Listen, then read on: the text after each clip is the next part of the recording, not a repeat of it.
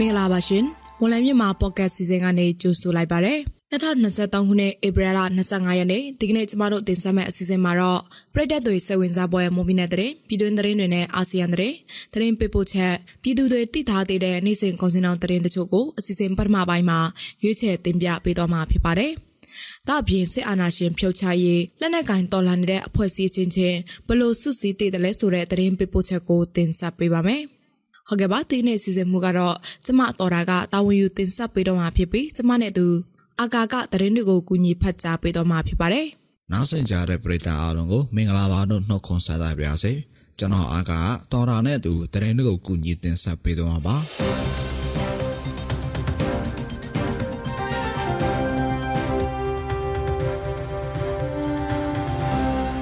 ရေးမြို့နယ်မြောက်ပိုင်းဒေသမှာလျှက်စစ်မီတာခတယူနစ်ကျပ်90ဈေးသက်သွားတယ်လို့ဒေသခံတွေစီကသိရပါဗျ။ရေးမြို့နယ်မြောက်ပိုင်းဒေသမှာမလသီလျှက်စစ်မီတာခတယူနစ်1500ကျပ်ကောက်ခံရကနေအခုလကနေစပြီးတယူနစ်ကို1550ကျပ်ထိထပ်မံတိုးမြင့်ကောက်ခံတော်တော့မှာဖြစ်ပါတယ်။ စစ်တောင်းစီစင်းအောင်မြစ်တက်လာမှုကြောင့်ခုကစားပြီးလျှက်စစ်မီတာခတယူနဲ့ကျပ်90တိုးမြင့်ကောက်ခံသွားမှာဖြစ်တယ်လို့ရင်းမြစ်နယ်မြောက်ပိုင်းဒေသကိုလျှက်စစ်ဖြတ်ဖြူးနေတဲ့ SMD လျှက်စစ်တပ်အားထောက်လုပ်ဖြတ်ချူရဲ့ပုဂ္ဂလိကကုမ္ပဏီကစားထုတ်ပြန်ထားပါသေးတယ်။ ရက်စစ်မီသားကစီနောင်မြင့်တက်လာတဲ့အတွက်တုံးစောသူတွေကြားအခက်ခဲကြုံတွေ့လာရတယ်လို့ဒေတာခန်တွေကဆိုပါတယ်။မဟာသက်အားလိုက်မရောက်တဲ့ရေးမြင့်နယ်အတွင်းမှာရက်စစ်ဖြတ်ဖြူရေးကိုပုဂ္ဂလိကကုမ္ပဏီတွေကြေးရော်တင်ကိုထူကိုထစနစ်တွေနဲ့တာရက်စစ်မီဖြတ်ဖြူရေးလှုပ်ဆောင်နေရပါတယ်။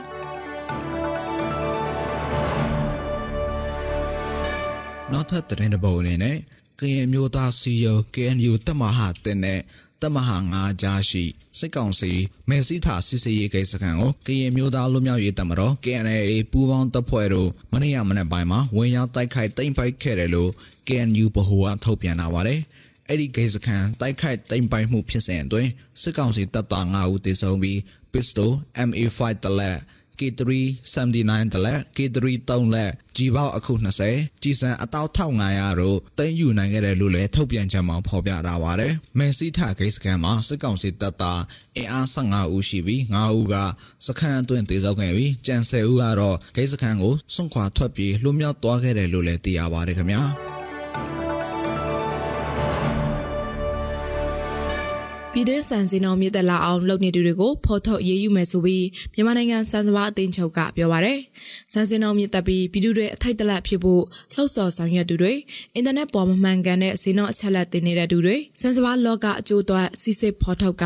စီအောင်သာတတိပေးတာလှုပ်ဆောင်မှာဖြစ်ပြီးထူးခြားမှုရှိရင်တော့သက်ဆိုင်ရာကိုတင်ပြမယ်လို့ပြောထားပါတယ်။ ရွှေဘိုဘက်မှာစစ်ပွဲကြောင့်စံစည်းတွေကိုအစမတန်မြင့်တင်လိုက်ရကစစ်ပွဲမရှိတဲ့အေယော်ဒီဘက်ကပါစံစည်းတွေလက်မြင့်တက်ခဲ့တာဖြစ်တယ်လို့သိရပါဗျ။သွေးအောင်စုဈေးတွေကြောင့်စံဈေးတွေကြီးမြင့်ရတယ်ဆိုပေမဲ့လည်းအခုမြင့်တက်နေတဲ့ဈေးကတော့ပုံမှန်ဈေးမဟုတ်ဘူးလို့သိရပါတယ်ရှင်။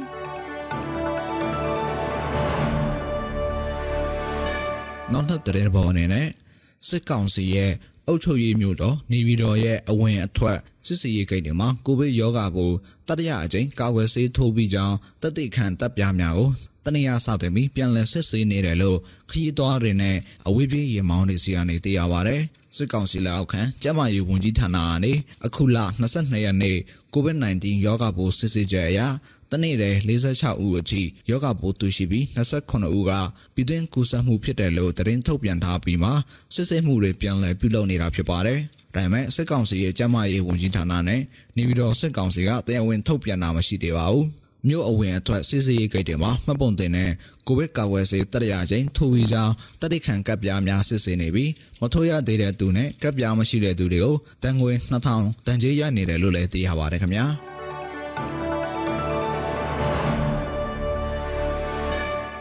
နိုင်ငံတပ်ခရိုင်မဲဆောက်မြို့အထွတ်စစ်စေးရေးကိုင်မှာတခွားသီးတွေတင်ဆောင်လာတဲ့ကားသွင်းပုံခုလိုက်ပါလာတဲ့မြန်မာနိုင်ငံသားအလုသမား73ဦးကိုဖမ်းဆီးရခဲ့တယ်လို့ထိုင်းသတင်းဌာနဖော်ပြချက်အရသိရပါဗျ။တနေ့ကမနေ့ပိုင်းချိန်ကတခွားသီးတွေတင်ဆောင်လာတဲ့ကားကိုထိုင်းအာဏာပိုင်တွေစစ်ဆေးခဲ့ရကနေမြန်မာအလုသမားတွေဖမ်းဆီးရမိခဲ့တာပါ။ ဖမ်းဆီးရမိတဲ့မြန်မာလောက်သား73ဦးနဲ့12ဦးကတော့ဧပြီလ12ရက်နေ့ကထိုင်းမြန်မာချစ်ကြည်ရေးတရားအမှတ်တိတ်ကနေတစေယာယီနဆက်ဖြတ်ကျော်ခွေလက်မှတ်နဲ့မဲဆောက်ကိုရလာကြသူတွေဖြစ်ပါတယ်။သူတို့ဟာမဲဆောက်မြို့မှာလာမယ့်ဧပြီလ28ရက်နေ့အထိနေထိုင်ခွင့်တက်တန်းရှိသူတွေဖြစ်ပါတယ်။ရည်ရည်နဲ့ဆက်ဖြတ်ကျော်ခွေလက်မှတ်ဟာမဲဆောက်မြို့မှာပဲနေထိုင်ခွင့်ရှိပြီးဘန်ကောက်မြို့ဘက်ကိုတရားမဝင်တော်ရောက်ဖို့ကြိုးစားလို့ဖမ်းဆီးခဲ့ရတာလို့သိရပါဗျ။ ကျမ်းမြန်မာလက်သမားတို့ကတော့နိုင်ငံကူးလက်မှတ်နဲ့ခရီးသွားအထောက်အထားတွေမတွေ့ရဘူးလို့ထိုင်းသတင်းဌာနတွေကဆိုပါတယ်။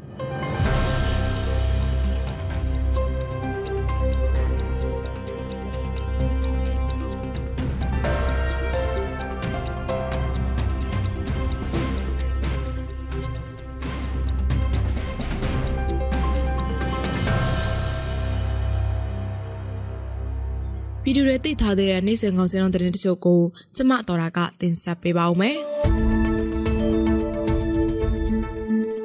ဒီနေ့ထိုင်းနဲ့မြန်မာငွေလဲတဲ့နှုန်းကတော့ထိုင်းဘက်83.3ညဝယ်ဈေးရှိပြီးတော့ရောင်းဈေးကတော့83.93ညရှိနေပါတယ်။ဒေါ်လာဈေးကတော့အမေရိကန်ဒေါ်လာကိုဝယ်ဈေးမြန်မာငွေ2845ရှိပြီးရောင်းဈေးကတော့2865ရှိနေပါတယ်။ ရွှေစင်းနှောင်းကတော့မီလင်16ပဲရေတကြတာကိုပြင်ပပေါက်စေး29သိန်းအထက်မှာရှိနေပါတယ်။73စီဈေးတွေကတော့တီဆယ်တလီတာကို2035ကျပ်အောက်တိုင်းနန်ဒီသူတလီတာကို2095နဲ့95တလီတာကို2195ထိရှိနေတာပါ။ စံစင်းနှောင်းကတော့အကောင့်စားပေါ်စမွေ108ပေါင်အမြင့်ဆုံးကို99,500ကျပ်အလဲလက်တန်းဆန်မြူစာပေါ်ကျွဲ108ပေါင်နှိပ်ဆုံးကို66,500ကျပ်နဲ့အမထဆန်တွေကတော့108ပေါင်နှိပ်ဆုံးကို99,000ကျပ်နဲ့အမြင့်ဆုံးကို99,000ကျပ်ထိရှိနေတာပါ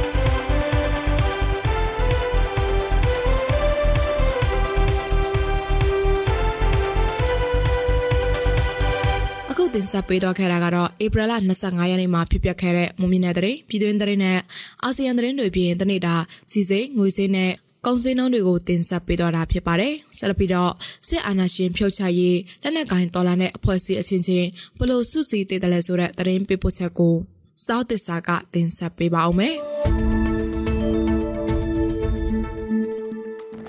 လက်ရှိနှွေဦးတော်လှန်ရေးမှာပြည်သူ့ကာကွယ်ရေးတပ် PDF ဒေသကာကွယ်ရေးတပ် ADF ဆိုပြီးကွဲပြားနေတဲ့လက်နက်ကိုင်ဖွဲ့စည်းတွေကိုဘလို့ထိညှိတစ်လဲဆိုတာနိုင်ငံရေးတိုင်ဝမ်ကြားဆွေးနွေးညှင်ခေါင်နေပါတယ်။ကွဲပြားမှုတွေကိုစုစည်းပြီးတသွေးတံတမိုက်ချစ်တောင်းနိုင်တဲ့ဖတ်ထရက်တမတော်တရက်ကိုထူထောင်နိုင်ဖို့စူးစမ်းရမှာဖြစ်တယ်လို့မြမနိုင်ငံရေးလက်တောင်းတသူဦးတန်းစိုးနိုင်ကပြောပါတယ်။ကျွန်တော်တို့ကတော့ခုချိန်ကာလတည်းမှာအလုံးစုံ သဘောတူသည်ဖြစ်စေမတူသည်ဖြစ်စေမတူတာကွဲကွဲပြားမှုခြားနားမှုရှိပေမဲ့ဒီနေ့ချိန်ခါမှာချင်း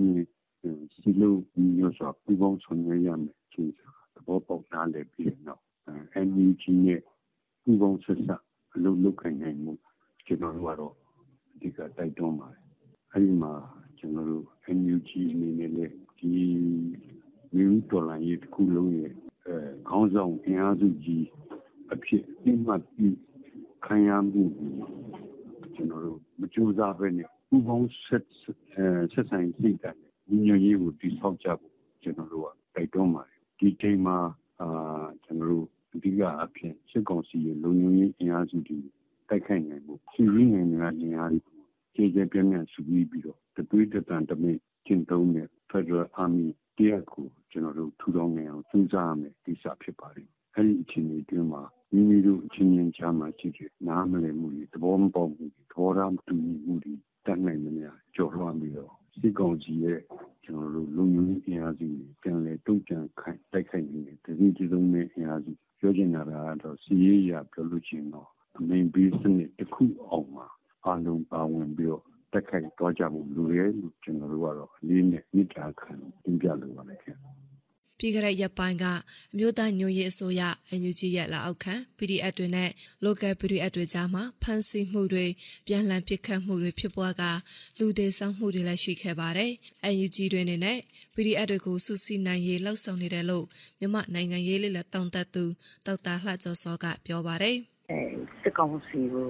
စန့်ကျင်နေတဲ့လူတွေအားလုံးစုစည်းပြီးတော့တတ်နိုင်ရသဘောထားကြီးကြီးနဲ့အဲအဲ့ဒီ ပါဝင်တဲ့အဖွဲ့တွေအားလုံးကိုနိုင်ငံရေးရ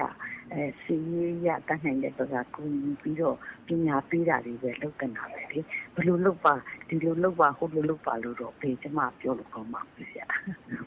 ပေါင်ကြီးမှန်းချက်တူညီတဲ့လက်နက်ကင်ဖွဲ့စည်းတွေအနေနဲ့စီလောက်ညီညွတ်မှုရှိဖို့လိုအပ်ကြောင်းအဲ့ဒီလိုမဟုတ်ပါက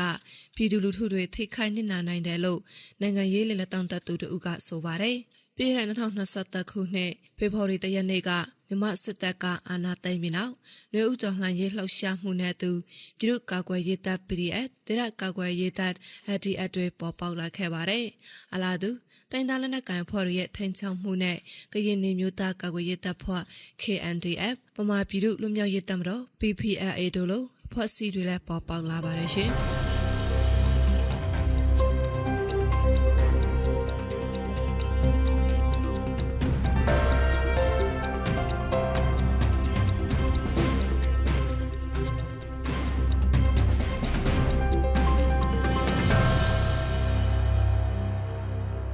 ကျွန်တော်ရဲ့မော်လမြန်မာ podcast season ဒီပါတယ်ပြီးဆုံးပါပြီ။နားဆင်ကြတဲ့ပရိသတ်အားလုံးကိုနောက်နေ့အစီအစဉ်တွေမှာဆက်လက်အားပေးကြပါအောင်လို့ဖိတ်ခေါ်ရင်းအစီအစဉ်ကိုအဆုံးသတ်ပါရစေ။အားလုံးကိုကျေးဇူးတင်ပါတယ်ခင်ဗျာ။